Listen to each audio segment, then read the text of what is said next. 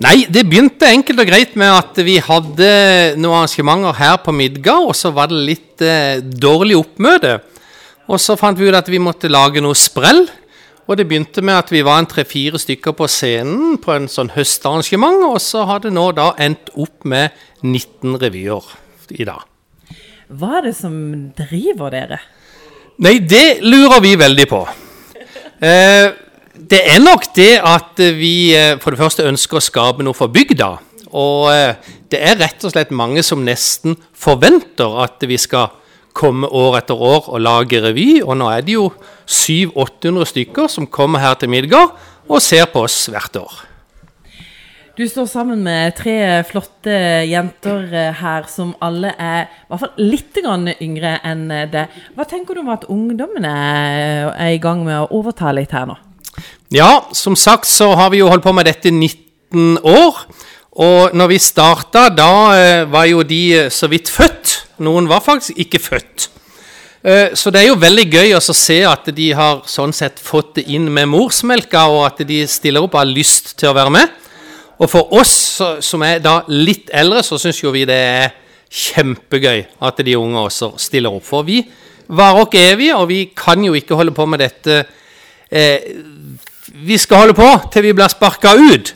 Men vi kan jo ikke holde på med til, til evig tid, da. Ida Egebakken, du er en av de unge som er med i Randolk-revyen. Hva var det som gjorde at eh, du hadde lyst til å bli med? Nei, jeg syns jo det har vært veldig gøy. Og jeg har jo vært og sett på revyen helt fra jeg var bitte liten og vært med her på øvelsene og har kunnet av og til tekstene bedre enn de sjøl som spiller når jeg har vært liksom ti-elleve år. og og så er det jo både søstera mi og pappa er jo med i det, og det er gøy å være sammen om det. Camilla Tellefsen, er det sånn at du har fått inn dette med revy og Randolken med morsmelka?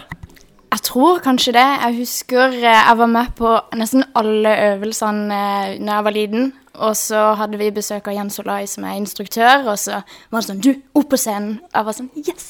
Endelig! Så det var jo en drøm som også kom i oppfyllelse den gangen, og så er det jo gøy å være med. Randi Anette, hvordan syns du det er å være med i uh, Randolk-revyen? Jeg syns det er veldig sosialt, ikke minst. Og så er det jo veldig gøy å være sammen med de du har på en måte vokst litt opp med.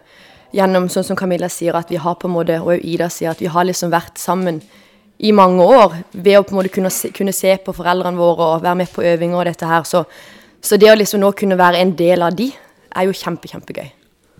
Er det sånn at det er helt greit å være sammen med foreldre? Ja, det er helt greit. Det er veldig gøy, faktisk. Du Arvid, nå skal dere altså på scenen for 19. gang. Eh, hva er det på en måte som er litt tema i år? Eh, revyen heter 'Vips, så er vi her igjen'. Eh, alle kjenner nok til hva vips betyr. For oss så betyr det noe helt spesielt, for i fjor så skulle Randolken være litt forut for sin tid og vi skulle betale, eller få folk til å betale med VIPS. Men det gikk litt galt. Så vi hadde 40 000 utestående hvor vi måtte kjøre rundt og, og prøve å få inn disse her pengene etter at vi prøvde med denne VIPS-greiene. Så derfor så heter det VIPS, nå er vi her igjen. Men er det sånn at man på en måte må være for Randesund eller bo i Randesund for å ha glede av revyen, tenker du? Nei, absolutt ikke. Det er folk fra alle steder og folk fra nord som kommer og ser på, og det er liksom like gøy for alle. Og selv om noe av det kanskje er litt lokalprega, så er det fortsatt eh, bare gøy og moro, liksom. Så det er ikke sånn at all humoren i revyen på en måte er knytta til, til Randesund, når man må kjenne området? Nei, ikke i det hele tatt. I år så tror jeg vi er, ligger ganske på landsbasis med litt uh, Vy og sykehusene som har litt problemer, og lignende. Søppelkonteinere som kommer i Kristiansand. Så du trenger ikke være fra Randesund for å kunne le av det vi gjør. Men for å spille fire forestillinger, eh, så vil jeg tro at det ligger en del eh, arbeid bak. Dere bruker litt tid på dette? Ja, det gjør vi. Eh, vi hadde jo en gjeng nå som faktisk starta i var det vel i september eller noe, som satte seg ned og begynte å skrive litt tekster og finne fram litt gamle tekster som vi har hatt tidligere. Og fra, og med, fra jula så har vi øvd fra eller hver søndag og onsdag. Og nå når det nærmer seg revyen, så er det jo flere av helgene som òg går til full revyøving. Og ja, så det, er, det er, tar veldig mye tid. Nå er det sånn Arvid, at eh, I revygruppa så er det på en måte Det, det er Randolk og det er Randesund-folk, dette her. Det er kun eh, Randesund-folk, og det er faktisk kone og mann og barn.